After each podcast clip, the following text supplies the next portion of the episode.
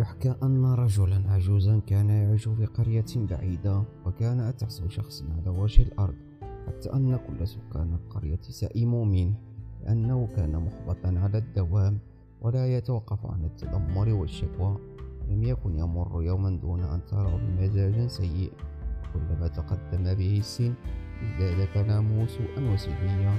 كان سكان القرية يتجنبونه قدر الإمكان سوء حظ أصبح معديا. يستحيل أن يحافظ أي شخص على سعادته بالقرب منه. لقد كان ينشر مشاعر الحزن والتعاسة لكل من حوله لكن وفي أحد الأيام حينما بلغ العجوز من عمر ثمانين عاما حدث شيء غريب. بدأت إشاعة عجيبة بانتظار. الرجل العجوز سعيد اليوم لأنه لا يتذمر من شيء. الابتسامة ترتسم على أحياه بل إن ملامح وجهه قد أشرقت وتغيرت.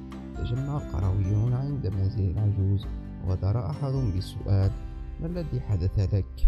هنا أجاب العجوز لا شيئا مهما لقد قضيت من عمري ثمانين عاما أطارد السعادة بلا طائل ثم قررت بعد أن أعيش من دونها وأن أستمتع بحياتي وحسب لهذا السبب أنا سعيد الآن العبرة من القصة لا تطارد السعادة بدلا من ذلك استمتع بحياتك